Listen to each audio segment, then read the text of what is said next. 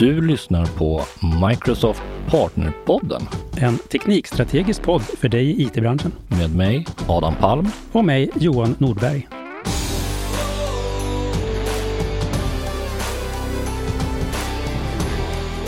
Hej och varmt välkommen Nina Rapp. Tack så mycket. Hur mår du? Jag mår ganska bra faktiskt. Det är sol, det är sommar. Vad är din liksom, officiella roll på Microsoft? Jag tycker det är så svårt att förstå våra titlar, så jag måste alltid fråga vad någon faktiskt gör, inte vad det står i deras titel. Så jag jobbar som affärsområdeschef för Modern Work. Modern Work är ju all teknik, alla lösningar som är närmast arbetsplatsen. Mm, traditionellt känt som M365-familjen, men också lösningar som Viva och Places. Och egentligen tekniken som verkligen löser kontorets behov. Okej? Så att jag är helhetsansvarig då för Microsoft Sverige när vi pratar Modern Work-affären. Men när man jobbar som affärsområdeschef med det här i Sverige, då får man leda narrativet som vi jobbar med, som heter det nya arbetslivet. Mycket puls på arbetsplatserna. Vart är vi på väg? Vart ska vi vara? För hur då vår teknik svarar upp till det här. Just det. Och det är precis därför jag blev så nyfiken på att få prata med dig. Just den här vad som har hänt med kontorets roll och hur man jobbar tillsammans och var man jobbar och alltså hela den där biten. Så det skulle jag vilja prata om idag. Vad roligt. Det är ju någonting som jag då gillar. Ja. Så det känns som att vi kan hitta lite synergier här idag. Eller hur? Precis. Och jag valde ju faktiskt att ta det här jobbet. Eh, Jag har varit på Microsoft i över tio års tid. Började som journalist, jobba med alla olika lösningar. Men jag såg just kraften i det vi i Sverige här, Microsoft Sverige, byggt upp med det nya arbetslivet. Perspektiven på arbetsplatserna och hur det verkligen förändrar för alla som går till jobbet. Så därför vill jag satsa på det. Så nu får jag ju förmånen att jobba med det här till vardags. Och det är så häftigt. Så jag har varit passionerad kring det i många år. Men sen kom en pandemi. Och nu vill alla prata om det här. Jag känner igen det. Jag har varit egenanställd i typ 8-10 år innan jag började på Microsoft. Har suttit hemma, tyckt att det var jätteskönt. Det har varit ganska svårt att ha arbetsgivare som tycker det är okej. Det har varit svårt att hitta uppdragsgivare som är helt bekväma med det. Fram tills att det kom en pandemi och att man inte hade några val längre och folk upptäckte typ, vänta, det här funkar ju. Men vad var det som gjorde dina tidigare uppdragsgivare och arbetsgivare obekväma med tanke på att jobba remote? Alltså jag tror man hade någon slags idé om att om man inte sitter fysiskt i samma rum så går det inte att samarbeta. Och kanske också en form av kontroll. Om folk inte ser att jag är på den här fysiska platsen mellan 9 och 17, hur vet jag att de gör något slags jobb överhuvudtaget? Eftersom det tydligen var omöjligt att titta på vilket output man har. Det var så här, timmar och plats var viktigare än output på något sätt.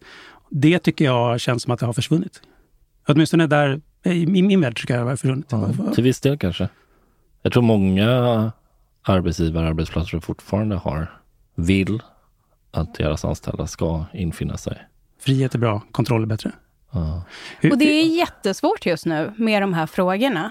För det som har kommit fram är ju att vi ser impacten. Och företag i Sverige och egentligen i världen och organisationer, för den delen inte bara företag, ser verkligen impacten att när vi öppnar upp och tittar på de här bitarna så får vi nöjdare medarbetare. Ja. Vilket leder till bättre affärsresultat också, bättre sista raden. Bättre utkomster, bättre utfall när vi möter våra medarbetare där de vill vara. Men hur man kommer dit är inte enkelt. Jag tror här har vi i IT-branschen lite försprång också, mångt och mycket. Vi har varit snabba på bollen. Vi på Microsoft har ju haft det här i ungefär 11 års tid nu, där vi faktiskt har haft den här friheten att man inte har pratat om en plats. Sen har ju allt eftersom IT-branschen också speedat på och det finns fler bolag. Men jag möter nästan dagligen organisationer nu som vill se hur hittar vi fram? Det här är inte lätta frågor och det är väldigt mycket också ledarna som kommer i kläm. Om du alltid fått lära dig att leda när dina anställda finns framför dig, när du kan se dem. När man vet att, äh, men jag vet att Adam, han jobbar idag, för jag ser ju att han är på kontoret. När du inte ser honom grön på Teams, när du inte ser honom röd på Teams eller Do Not Disturb, jobbar han verkligen då? Hur definierar vi arbete? Ett helt nytt perspektiv och det är jättetungt om du har fått lära dig att leda i gamla skolan i hur du ska transformera det till det nya. Är, det, är det någon märkbar skillnad i hur anställda respektive chefer upplever positivt och negativt med remote work? Vi har en punkt som kanske är lite spännande här som vi kallar produktivitetsparanoia. Mm. Och det är perspektivet på arbete egentligen och hur mycket man får gjort. Mm. 87 procent av anställda känner sig produktiva, alltså få jobbet gjort, oavsett om man är på kontoret eller hemma. Så oavsett plats så känner man att ja, men jag gör nog det här riktigt bra. Men det är 11 procent av cheferna som har samma perspektiv. Som har fullt förtroende av deras team och anställdas ja. arbete och deras produktivitet. Så att det är jättejobbigt att veta hur definierar vi arbete. Och det var ju någonting som vi var väldigt tidiga på när vi gjorde vår första resa där 2012 som Microsoft Sverige. Är att vi pratade, det här är förväntningarna när vi inte träffas. Mm. Lite tillbaka till det du var inne på. Det här med tilliten egentligen. Hur vet vi att de arbetar? Jo, om vi sätter tydliga mål och följer upp mot dem och inte tiden och inte vart du gör det. Då mm. blir det enklare. Det jag tänker, om jag skulle vara chef eller personalansvarig, så tror inte jag skulle inte vara sådär jätteorolig över produktiviteten hos de som jobbar i mitt team.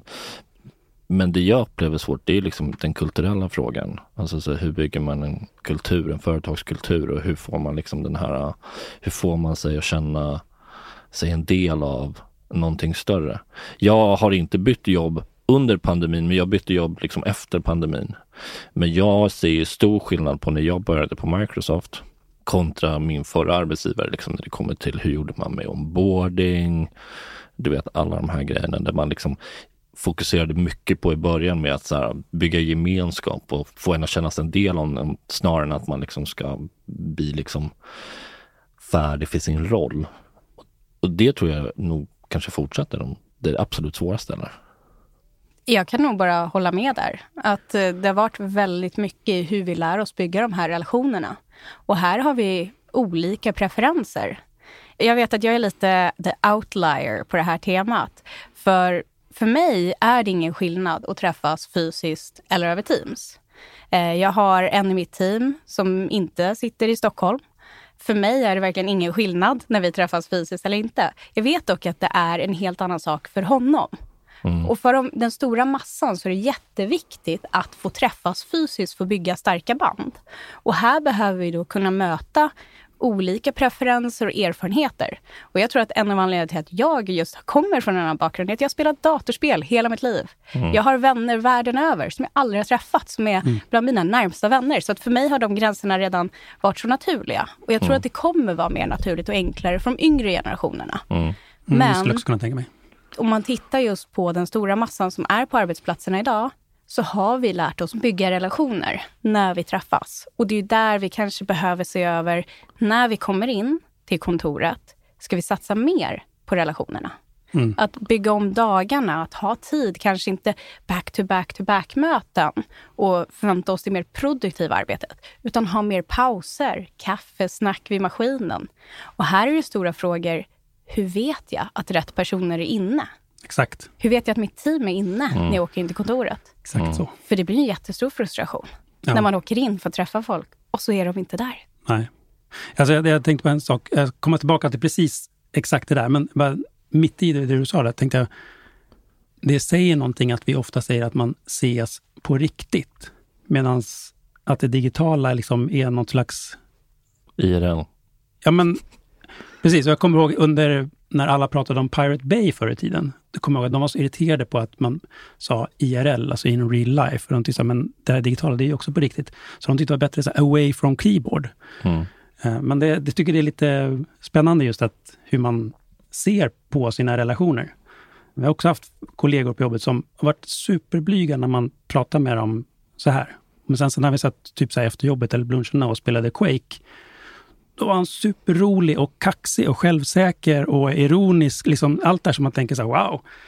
Och sen så när i ett möte så var han jätteblyg.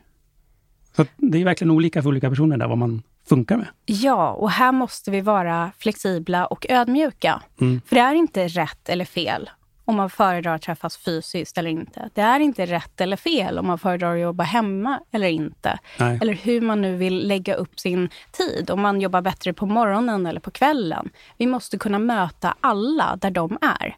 För när man får utrymme att vara sig själv och hitta sina preferenser för att göra sitt bästa jobb, vara sitt bästa jag, fylla på energier och krafter också då kommer vi göra vårt bästa arbete och vi kommer må bra.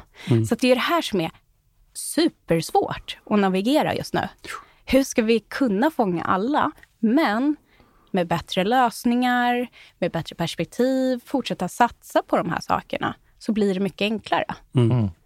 Jag tycker det var intressant det här med så att om man är på kontoret, som vårt kontor till exempel, där har vi ju inga fasta arbetsplatser. Man har inte sitt skrivbord liksom som man hade förr i tiden. Utan man tar en plats där man tycker att det verkar bra att sitta. Åker jag in till kontoret, jag har ingen aning om Adam eller mina ja, men övriga i våra team är där. Jag vet inte vart de sitter på kontoret och jag vet inte om det kommer finnas ett skrivbord ledigt. Så att, att ta sig till kontoret för att umgås med er, det är lite en form av gamble. Liksom, att man, Det är vanskligt. Och nu Ja, kommer lite. jag ju ställa en följdfråga till dig. ja, Har du testat nya Outlook? eh, dagligen. Men jag, jag tror att du är på väg i jakt efter en funktion som jag faktiskt har frågat om när jag började på Microsoft. Så här, finns det något sätt där man kan säga jag är på kontoret, jag sitter ungefär här? Är det någonting sånt du... Så ja, i nya Outlook eller i Outlook i webben så har du faktiskt möjligheten när du eh, svarar på en mötesinbjudan. Mm. Så har du möjligheten att säga jag kommer vara där fysiskt. Mm. eller jag kommer vara med digitalt. Mm. Eller tacka nej självklart. Mm. Framöver när vi har Copilot också så kommer du kunna säga jag kommer inte vara med men jag skickar Copilot att tracka så att jag har, har ändå så här koll på vad som händer och få summeringen. För det är en annan funktion som många efterfrågar. Men just det här att kunna både svara hur man planerar att vara med på ett möte och då se hur de andra har faktiskt har svarat. Det är en del också av summeringen. Så ser du för det här teammötet som kanske har skickats ut så kommer halva teamet vara med fysiskt, halva digitalt. Om jag tittar på det då kanske jag säger, ah men är hälften där. Jag byter. Jag satt där på fysiskt. Det är en ny funktionalitet som har kommit i nya Outlook och Outlook för webben. Men det här är också delar och byggstenar av det som heter Microsoft Places. Som vi kommer släppa senare det här kalenderåret. Nu är det sommar, så halvvägs in på kalenderåret. Så långt bort är det inte. Och Places är ju egentligen ett sätt att just brygga de här sakerna med vart är vi fysiskt? Och hur bygger vi starka team som hittar varandra när man vill, inne på kontoret? Det är allt från hur du också kan boka en fika eller lunch på kontoret och bjuda in folk som du kanske inte annars kände.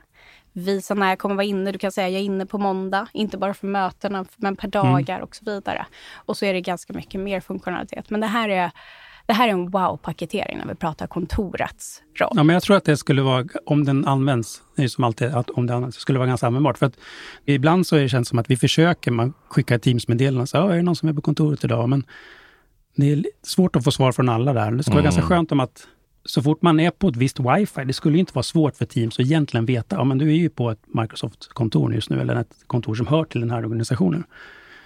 Kanske vissa tycker det är Känner sig Creepy. övervakad. men Och alltså ju egentligen, bara för att det syns blir du mer övervakad då. De vet ju redan att din dator är på det här wifi-nätet. Vad är skillnaden? Det, det är alltid viktigt att lämna återigen utrymme för folk att välja. Ja. Här har vi ju med teknik och faktiskt med Places också möjligheten att visualisera vart du är på kontoret och så vidare. Så de svaren kommer du få där, men med en opt-in-funktion. Mm. För när vi tvingar folk, då känns det inte bra. Nej. Ja. Det är samma sak om vi tar igen tillbaka till, jag är i snitt på kontoret en till två dagar per vecka av olika aktiviteter.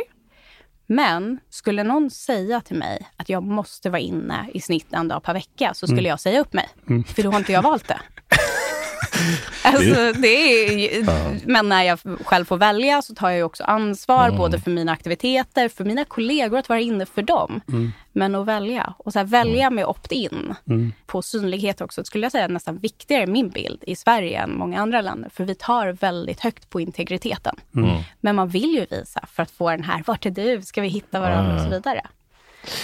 10 000 kronors frågan. Places. Mm. Vad ingår den i för typ av paketering? Så vi har ju inte annonserat detaljerna kring Nej. Places. Inte exakt datum för GA, alltså General Availability. Nej. Och inte kommersiell paketering och så. Okay. Men det är ju byggt på Microsoft 365. Mm. Så funktionerna i Outlook etc. de kommer man ju ha när man har Microsoft 365. Mm. Vi har delar av Places, är också det här uppkopplade kontoret. Och där pratar vi mycket om uppkopplade konferensrum också, där vi får smarta insikter och kan jobba med flödena i hur man rör sig, boka rum och så. Där är det Microsoft Teams Rooms. Mm. Så det vet vi ju, det är både separat hårdvara och eh, licens egentligen i dagsläget. Men det är det officiella rekommendationen. Där börjar man. Och sen så Microsoft 365. Mm. Så får vi se om det blir någon extra licens eller inte. Ja. På tal om möten och sånt. Personligen så tycker jag att helt digitala möten fungerar fantastiskt bra. Mm. Helt fysiska möten tycker jag fungerar fantastiskt bra. Hybrida möten där hälften är på team och hälften är i ett fysiskt rum tycker jag är det svåraste. Mm. Mm. Är det här någonting som ni delar uppfattning med och Mm, hur, hur absolut. löser man det i så fall? Nu har inte jag alla svar i hela världen. Jag har lite... Men det är fint att du tror det om mig, Det var Johan. ju därför jag tog hit dig. Ja, attans. Ni får kasta ut mig igen. Nej, men eh, skämt åsido. Det är det som vi hör. Både vi känner igen det själva, vi hör det från marknaden. För att det är mycket enklare när alla har samma förutsättningar. Mm. Med det sagt, det går att ha bra hybridmöten. Men det tar mer av både den som faciliterar Mm. och deltagarna. Mm. Och dels att vi faktiskt måste ha bra teknik.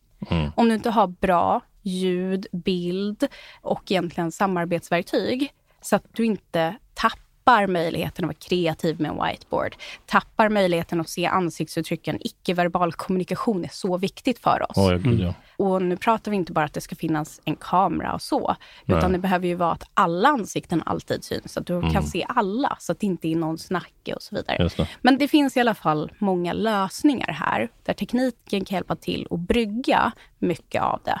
Vi pratar om hur vi, vi har ett koncept som heter Microsoft Signature Rooms, när vi pratar om de här Teams-rummen, där vi också ändrar möblerna.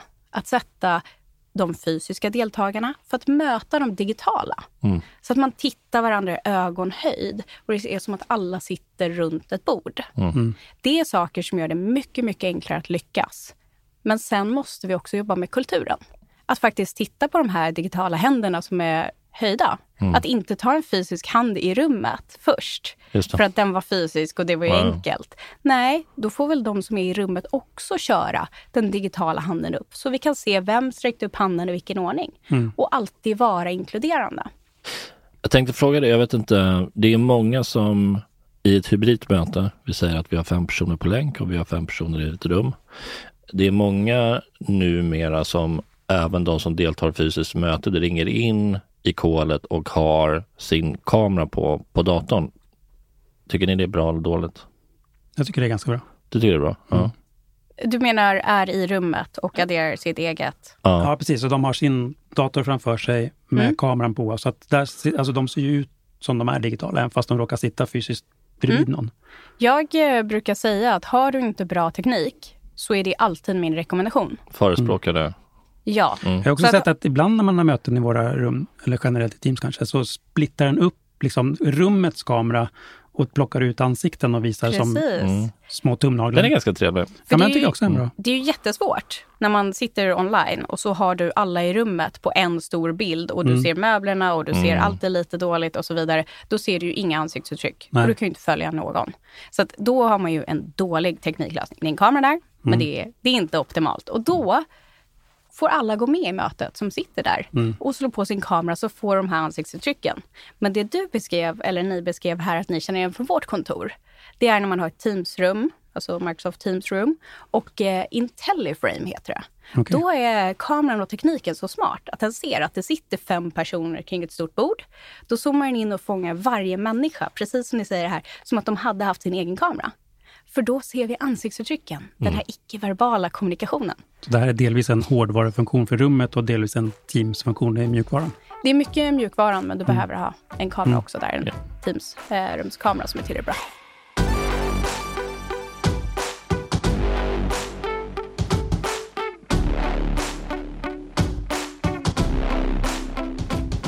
Men jag har faktiskt en grej till som jag skulle prata om när vi är inne på Teams-möten. Ja.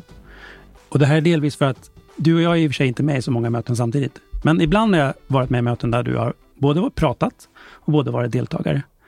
Och du ser alltid så himla aktiv ut, även när du bara lyssnar. Och det här jag tänkte fråga dig där, är det här någonting som bara kommer naturligt som din personlighet eller är det någonting som du tänker att för att vara en bra mötesdeltagare, alltså vara en bra åskådare, så borde jag bete mig på det här sättet, så nu anstränger jag mig för att göra det. Och i så fall, vad är det för trick man kan göra liksom? För att ofta kan Men det är ju den där kulturella saken som du var inne på tidigare. Vi måste lära, alltså man hade ju blivit tokig om man satt i ett fysiskt möte och någon satt och pillade med grejer med sin mobil eller med datorn eller Eller om man bara såg deras näsår. ja.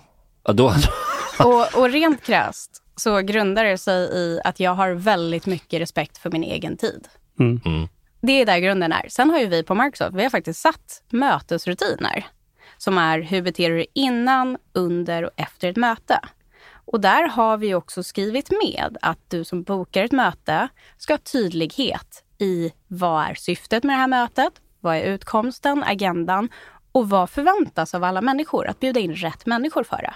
Vi har också skrivit in att om du får en mötesbokning på Microsoft där du inte känner att det är tydligt vad din roll är, Ja. then you are empowered to decline. Ja. Jag går inte på möten där jag inte ser värde. Ja. Men de möten jag väljer att gå på där jag ser ett värde, där är jag aktiv. Mm. För multitasking, då hade jag lika gärna kunnat strunta i att vara där. Så Ja. att, respekt för min egen tid. Så att ser man dig i ett möte, man ser att du ser ut och tycker att det är jäkligt intressant, så är det för att du faktiskt tycker det, för du har bara valt att gå med i möten som har en chans att uppfylla det. Precis. Och ibland så kanske jag måste ställa några följdfrågor om jag inte förstår vad ett möte är. Antingen declinar jag eller så ställer jag följdfrågor. Och också inte bara vad är mötet om, utan vad är min roll här? Mm. Är jag här för att ta del av information?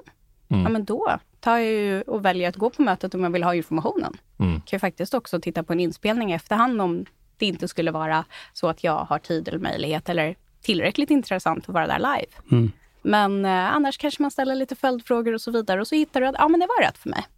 Eller så säger fin- man att det inte var det. Finns det någonting i liksom man kan tänka på med sin hårdvaru-setup för att verka mer intresserad och aktiv i möten? Jag tänker just det här att en ganska vanlig syn är att någon förmodligen har en, en extern skärm som de tittar på, men kameran sitter på deras laptop som står lite vid sidan om, så det enda man ser typ är en axel och en kind. Mm, det är förvirrande. Det är jätteförvirrande. Vad kan man ge för tips där, liksom, med att få det här mötet att se så bra ut som möjligt? Både i liksom mänskliga relationer, men också rent visuellt. Liksom. Och där en separat webbkamera kan göra så mycket. Om du har en extern skärm, Ja. Så Ja, gud, använd en webbkamera där. Mm. Och eh, det jag försöker göra, jag har också en lite löjligt stor skärm hemma faktiskt, för att kunna göra Ja, mycket med. saker på. Det har vi också på kontoret. Men om jag har en väldigt stor skärm, då minimerar jag faktiskt. Så att eh, Teams-fönstret och det jag vill titta på är i närheten av eh, där webbkameran sitter. För jag vill inte vara för långt borta. Nu tittade jag här på en konstig plats långt bort från mikrofonen jag just pratade i. Jag vill inte titta åt ett annat håll, för då tappar man ögonkontakten. Precis. Så det är också Jag, lite jag brukar småsaker. faktiskt ibland dra Teams-fönstret en bit ovanför skärmen slutar. Så att när jag tittar på någon i någons liksom ansikte i Teams Mm. så riktar det mina ögon mot kameran mer. Och sen får man flytta runt det där lite grann beroende på vem det är som faktiskt pratar. Vi skulle kunna Ja. göra en hel podd kring bara bra möten. Ja. Och bra möten och kommunikation skulle jag verkligen vilja säga, det är en grundsten i hur vi lyckas bygga starka relationer och hitta och förstå varandra när Mm. vi inte är på samma plats. jag, jag tror jag börjar tänka mycket på det när man haft mycket presentationer. Och i vissa ser man inte kameror överhuvudtaget. Och, men ganska ofta så, det är ju så tråkigt när man har en presentation som man är ganska nöjd med och så ser man liksom inte folks reaktioner alls. Det där är ju jobbigt i ett fysiskt rum också såklart. Mm. Men det blir nästan ännu större Men det är mer Teams. påtagligt i ett fysiskt rum för det är så mycket uppenbara där. Jo, men så jag har börjat tänka mer på, så här, inte bara grotta ner sig i presentationsteknik, hur gör man det här bra, utan också börja fundera på hur, hur blir jag en bra lyssnare? Liksom. Mm. Sen kan jag inte påstå att jag är fantastiskt bra på det. Jag kan också zona ut lite och titta på någon notis på telefonen och liksom sådär, när jag inte tycker att det är tillräckligt intressant. Så jag har kanske varit med i för många möten. Men jag har ändå börjat tänka Du, på det mer. du valde fel möte. Ja, men faktiskt. Ja. Ja. Jag brukar köra fullscreen. Jag har också en stor skärm hemma. Super wide. Jag kör fullscreen för då blir alla mycket större. Då känns det mycket mer, Immersive. ja, Ja. typ. Jag kanske skulle ha någon så här VR, köra VR Ja. glasögon när jag ringer in i möten. blir, det blir så konstigt för dem Har som ni tittar. testat Mesh då för mötena? Nej, jag inte Nej. gjort det. Så jag har lekt lite det med det. I ett tappprogram. Och för de som inte vet vad tapp är, Nina. Och för de som inte vet vad Ska jag mesh är. behöva komma ihåg, eh, det är en preview-program. Ja. Eh, jag kommer inte ihåg vad akronymen Akronymen står för. just nu. Men eh, det är ett stängt preview-program, lite mindre preview-program för Mesh i Teams. Och vi har också tillgång till det internt just nu på Microsoft. Vad är mesh i Teams för någonting? Mesh är det här metaverse. En liten avatar. Tänk Där alla springer runt utan armar och ben, fast med fötter och händer. Ja, lite så faktiskt. Och eh, vi har ju haft, avatarerna har ju blivit släppta nu brett ut på marknaden. Att man kan eh, komma som en avatar i ett möte. Mm. Jag kör bland annat det om jag äter mat eller gör något annat opassande men ändå vill visa att jag är inte en statisk bild, jag är lite mer här, jag är närvarande och visar det. Så det är ju avatarerna i ett Teamsmöte. Men i Teamsmöten så har vi nu adderat och byggt in, så inom det här tappprogrammet, inte brett för alla, inte tillgängligt för alla än, att man kan faktiskt gå in i vilken vy du vill ha. Du kan ju titta på gallery mode, focus mode och lite olika saker i ett möte. Så kan du gå in i en immersive space. Helt plötsligt är du i ett konferensrum i mesh, alltså det här metaverse-ytan. Och så springer du runt där med din avatar. Ni kan titta på materialet som presenteras tillsammans. Eller så kan man gå lite bak och ha en konversation precis som om du var i samma konferensrum. Så det har flyttat in i Teams för att göra det ännu enklare. Mer verktyg, det är till verktyg för oss att jobba med. Men om du och jag skulle gå in i ett hörn och småviska lite med varandra i det här digitala Teamsmötet, skulle andra ändå höra det då? Man jobbar med någonting som heter spatial audio. Att eh, är du inom ytan där man sitter och tittar på presentationer, Ja. då syns det inte. Men går du bak så är det bara de som är i närheten och går till samma yta som dig. Precis som om du vore i den riktiga världen. Förlåt, IRL-världen, den fysiska världen. den fys- Måste ah. sluta kalla det den riktiga världen. I hur? Okej. Ska vi köra lite, lite Viva eller? Mm. Får jag sätta lite kontext på konversationerna också, hur de hänger ihop? Ja, Mm. gärna. Innan pandemin pratade vi väldigt mycket om produktivitet. När vi pratade arbetsplatserna. Hur får vi ut mer? Hur kan vi göra mer? Hur kan vi samarbeta bättre? Hur kan vi, ja, produktivitet egentligen, få mer gjort? Sen så kom pandemin och eh, då var det absolut få sakerna på plats, att vi kan ha bra möten och så vidare. Men i och med pandemin så skiftade vi väldigt mycket till medarbetarengagemang och kultur Yes. att fokusera på hur vi fångar våra medarbetare. Och lite det du var inne på tidigare här, Adam. Att vi måste bygga starka team, för annars tappar vi våra medarbetare och våra resultat. Och nu har vi kommit till någonstans att vi går att vi inser att vi behöver balansera de här två i en gemensam ekvation för arbetsplatserna. Vi behöver både säkerställa produktiviteten och engagemanget parallellt. Vi kan inte titta på bara den ena eller den andra, så som vi har gjort lite fram och tillbaka. Produktivitet, engagemang. Och AI, som ni har nämnt här, det är en stor del av hur vi kan få upp produktiviteten. Fånga medarbetare, att få vara sina bästa jag och fokusera på innovation istället för fastna i detaljerna. Och det här tråkiga, monotoma arbetet som hindrar oss från att hitta nya idéer och innovation. Så det är produktivitet blir mycket AI-fokuserat nu. Mm. Men sen har vi just engagemanget, den här bilden. Vad är arbete inte? Har vi kul på arbetet? Vi ser på arbete för helt nya ögon än innan pandemin också. Mm. Och där kommer vi ju mycket in på Viva-plattformen bland annat. I hur vi bygger starka team. Jättemycket kring Viva, men också Places som vi varit inne lite på. Produktivitet grundar sig mycket i samarbetet och mötesupplevelsen. Allting kring hur vi samarbetar och jobbar med M365-plattformen. Men Copilot och AI. Så det är lite hur de hänger ihop och att inte det ena eller det andra, utan just nu har vi mycket spännande saker att balansera. Kommunikation, collaboration, glöm bort vad det är på svenska. Det är oftast liksom kanske ett ansvar som hamnar hos IT att hitta liksom verktyg och medel för det. Men Viva kanske inte nödvändigtvis är en IT-fråga, eller? Det är en komplex fråga. Ja. Så Viva är ju en medarbetarplattform. Teknisk plattform egentligen för att hjälpa till att lösa många av de här problemen som organisationer jobbar med idag. Och vi har allt från data och insikter Vi har allting från lärande och utveckling och hur du lär dig in the flow of work. Vi jobbar med måluppfyllning också. Och äh, Det finns så många olika delar av Viva-plattformen som gör det komplext. Kommunikation mm. glömde jag säga där också. Så att ibland pratar vi med HR för Viva-plattformen. Ibland pratar vi med kommunikation. Mm. Ibland pratar vi med IT. Och vi pratar egentligen med nästan alla i en ledande position.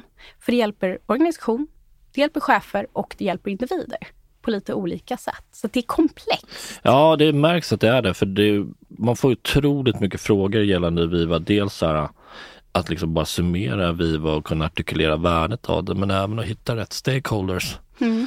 Och jag är inte helt säker alla gånger på att jag själv kan göra det. Då är det, liksom, då är det svårt att hjälpa någon annan att göra det. Det känns också det... som att Viva på många sätt är någonting som liksom ligger och gör saker i bakgrunden utan att synas så mycket. Till skillnad från om du sitter med Excel så det är ganska tydligt att nu använder jag ju Excel. Ja. Men Viva så tror jag att de flesta ytan där folk märker Viva, det är när man får ett mail varje måndag som säger så här, förra veckan så satt så här mycket i möten. Men, Men det Viva... händer mycket mer liksom, andra änden som man nödvändigtvis kanske inte riktigt ser, men skulle sakna om det försvann. Så kommunikation är ju en så grundläggande sak. Om du inte känner att du är en del av någonting, en mm. del mm. av att få rätt till samma information när du kanske inte är på samma plats som andra, inte känner att du är en del av pulsen av bolagets syfte. Alltså det här är kommunikationsfrågor mm. som Viva-plattformen verkligen briljerar. Både i hur det är integrerat i Microsoft 365 och där alla redan är och mm. jobbar idag.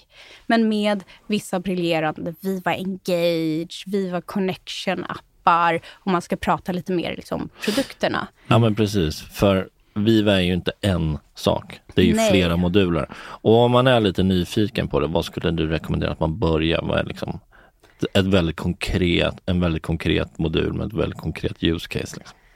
Nu eh, vill du kill my darlings här och välja en. Nej, men det är... Ja, men det, man måste alltid börja någonstans. Vart är kundens behov? Organisationen, vart är deras största utmaningar?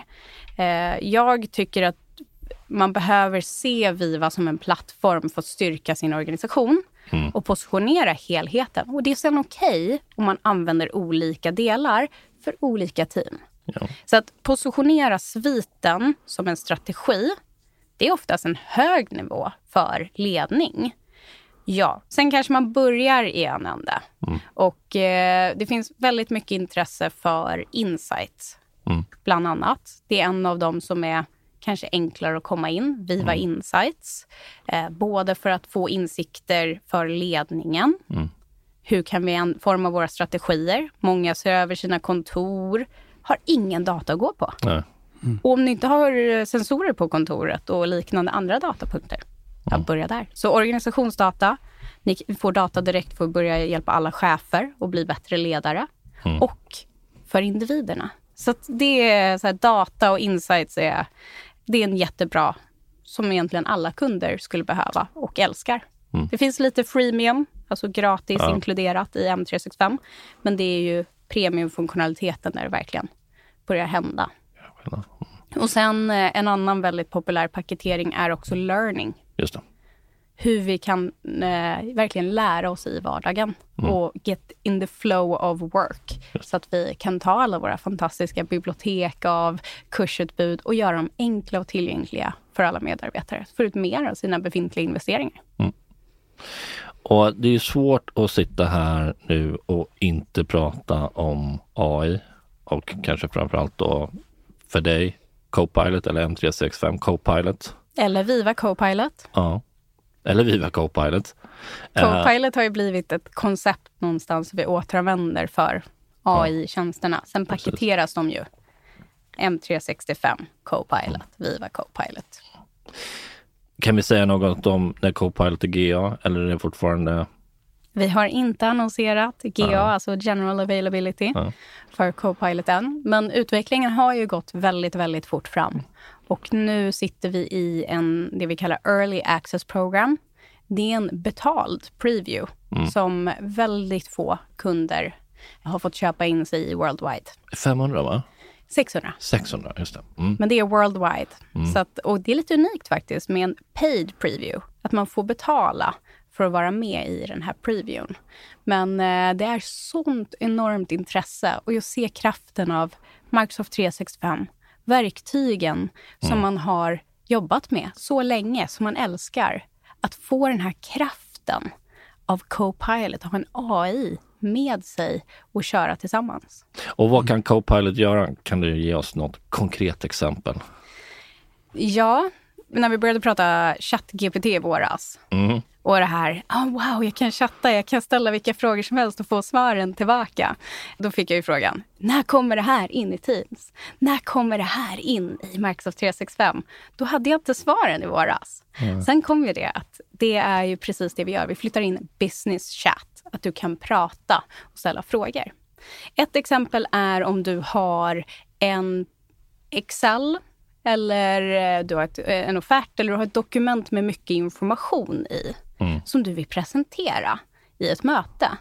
Då kan du säga, hej Copilot i PowerPoint. Ta den här Excelen eller den här offerten eller underlaget som är mer text eller sifferbaserat och gör en PowerPoint till mig. Och sen helt plötsligt så tar den informationen och sätter ihop det. Så kan du säga, ah, men jag vill ha lite mer grafiskt. Mer text, mindre. Och så pratar du med den och den skapar allting åt dig. Och något som är helt fantastiskt, det är att man också får speaker notes. Jajamän. Inte Alltså om, om det här kommer funka lika bra som GitHub Copilot funkar för att generera kod, så kommer jag bli helt mind blown. Jag kommer inte exakt ihåg den här formuleringen men jag läste på någon bloggpost att så här, även om det liksom som Copilot inte genererar var liksom 100% det du var ute efter så är det alltid usefully wrong tror jag. Liksom att, att budskapet var att det, det är ändå inte ett blankt papper. Du kommer ha Nej, men- någonting där att börja med. Det är Liksom. precis så som det är med, för GitHub Copilot också, att den kommer inte göra exakt det du vill, men den kommer göra förvånansvärt mycket av vad du vill. Och om man är, också är bra på att förklara för en, det här är mina förutsättningar, kan du hjälpa mig med det här? Så kommer den ju även göra kod som faktiskt funkar bra, rakt av. Alltså om jag beskriver hur min, så här ser min tabell ut för den här typen av data. Kan du generera en frå- SQL-fråga som gör det här? Så kommer den ju ha rätt namn på kolumner och tabeller och allting. Och Janina diskuterade innan du kom Johan, eh, som hastigast bara, jag kan finna utmaningar ibland med så här, om jag ska skapa en presentation och jag har ingen, alltså jag har, jag har inga slides, jag har ingenting, jag har bara ett blankt papper. Jag har så svårt att komma igång med det. Mm. Speciellt om så här, på ordinarie arbetstid. Liksom. Alltså, så fort jag får ett mail eller så fort det plingar till på Teams eller någonting, då skiftar jag fokus och så, och så gör jag det istället. För mig, liksom att bara kunna be, hej, här har vi content, ge mig 12 slides. Ja, Och utgå ifrån, det känner jag är det liksom, kommer vara, ja, verkligen. ja, men det kommer vara som game changer för mig. Jag fick ett jättebra tips av Karl-Henrik på det där temat, fast mer manuellt då kanske. Men att så här, börja med att skriva ditt talarmanus. Ja. Sätt det i Word och så skriver du så här, det här, är, det här kommer jag vilja säga på min presentation. Mm. Och då är det lite som att slidesen gör sig själv, Ja, ja. även fast de inte rent fysiskt gör det eller i PowerPoint. Men, och, Och där där- kanske PowerPoint, eller eh, Copilot i PowerPoint kommer in. Alltså, ja, men du menar ju det här, den här bilden är nog bra. Ja, och det här är faktiskt en av sakerna också som vi behöver nu lära oss. Som vi ser när vi tittar i våra Work Trend Index-rapporter också som en av de stora insikterna. Och det är att vi behöver lära oss hur vi jobbar med AI. För AI kommer inte ersätta människor. AI kommer berika och frigöra oss att satsa på innovation. Och det som är roligt. Men vi måste veta hur vi frågar. Vi måste veta hur vi promptar en AI. Exakt. Och här ser vi ju nu att eh, LinkedIn-annonserna, det går ju bara upp när man näm- pratar om generativ AI eller ChatGPT där det faktiskt omnämns. Eh, Prompt engineer. Ja. Och eh, när vi lär oss experter i det att fråga plötsligt. så Ja. blir det så mycket enklare. Ja. Ja, men det, jag tycker det blir en bra lektion i att uttrycka sig tydligt. Ja. Och alla som har försökt konsulta och skriva en offert och inte vara tydliga har ju märkt att om jag inte är tydlig nog, då kommer kunden förvänta sig någonting annat än vad jag såg framför mig. Liksom. Och det är lite samma sak här att om jag inte kan vara en riktigt bra beställare så kommer jag inte heller få ett bra resultat tillbaka. Men på tal om Workplace, Work Trend Index-rapporten, kan vi ägna några minuter åt den? Absolut. jag tyckte det var några saker som jag hajade till på där. Och det ena var någonting som jag Får jag bara slänga in för alla som undrar. Ja. Work Trend Index är ju våra stora rapporter från Microsoft som mäter och sätter perspektiv på arbetsplatserna. Senaste kom i maj, 31 000 svarande enkäter. Vi tittar på all usage-data från Microsoft 365. Vi tittar och eh, kondenserar LinkedIn-data och Glint-data för att få fram de här insikterna. Så riktigt häftiga rapporter. Vill man läsa detaljerna? aka.ms slash WTI. Och vi lägger en länk i description. Det gör vi. Snyggt. Mm. Bra. Förlåt.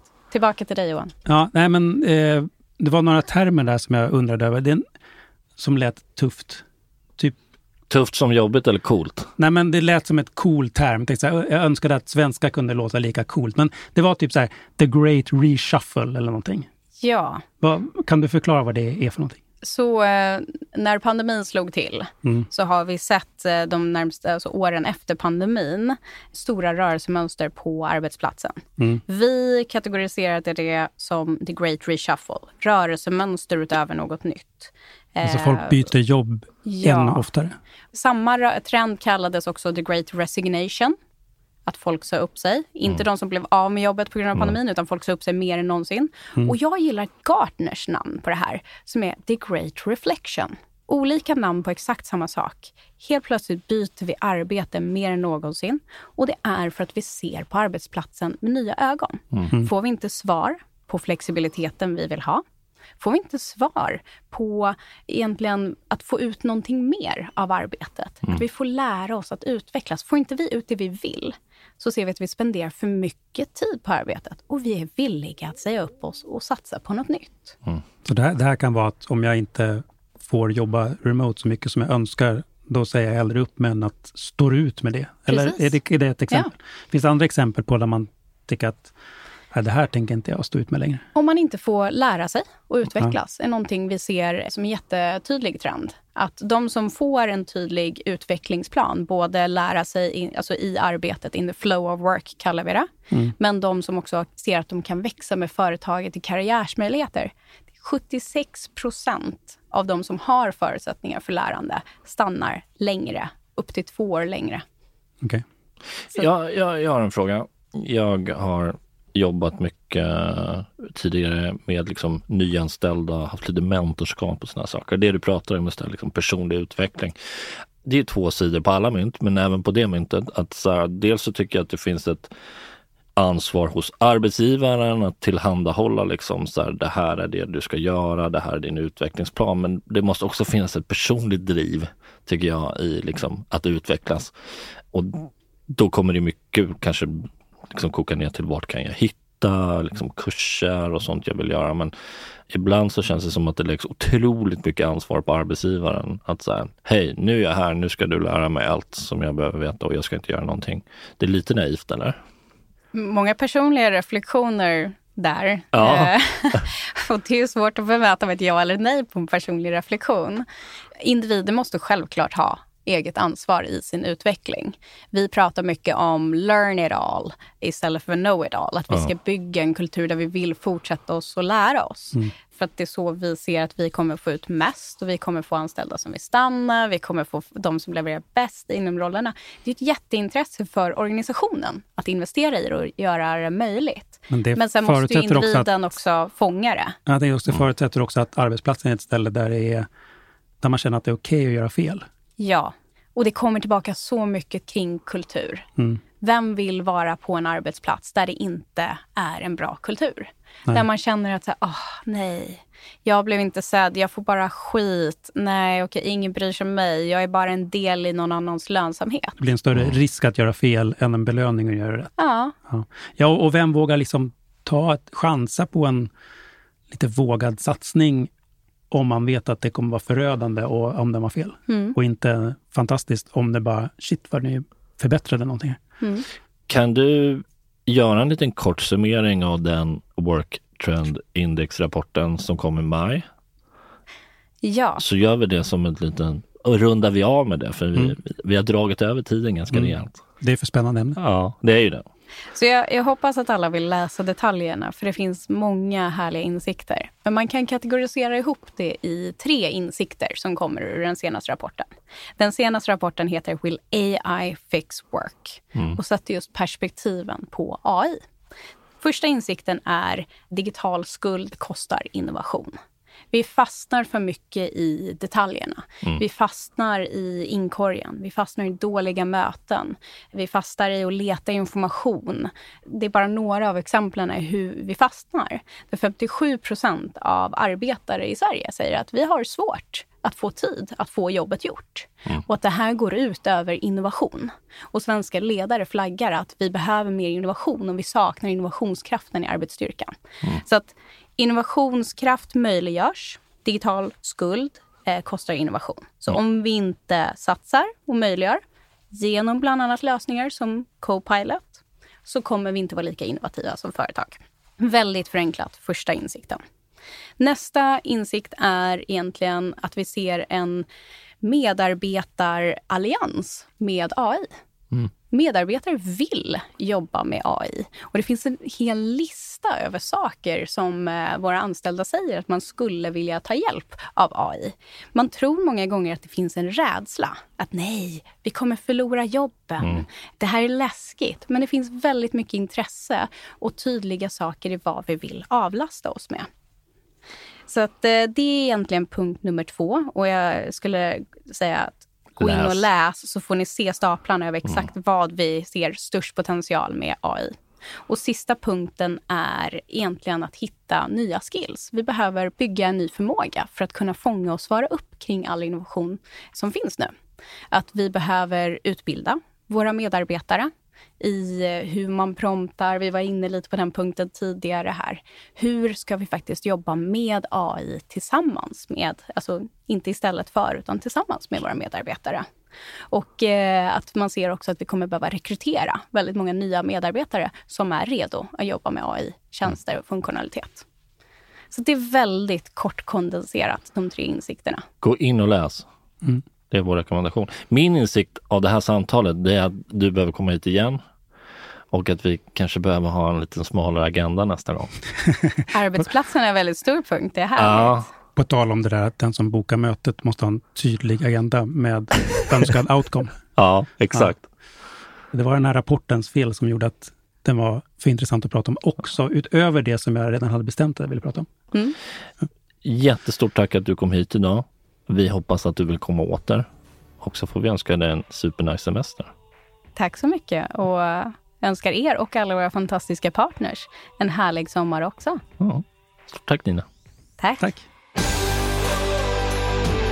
Du har lyssnat på Microsoft Partnerpodden, en podd om Microsoft Sverige med mig Adam Palm och mig Johan Nordberg. Som vanligt hittar du länkar och resurser på aka.ms partnerpodden. Maila oss gärna på partnerpodden at microsoft.com.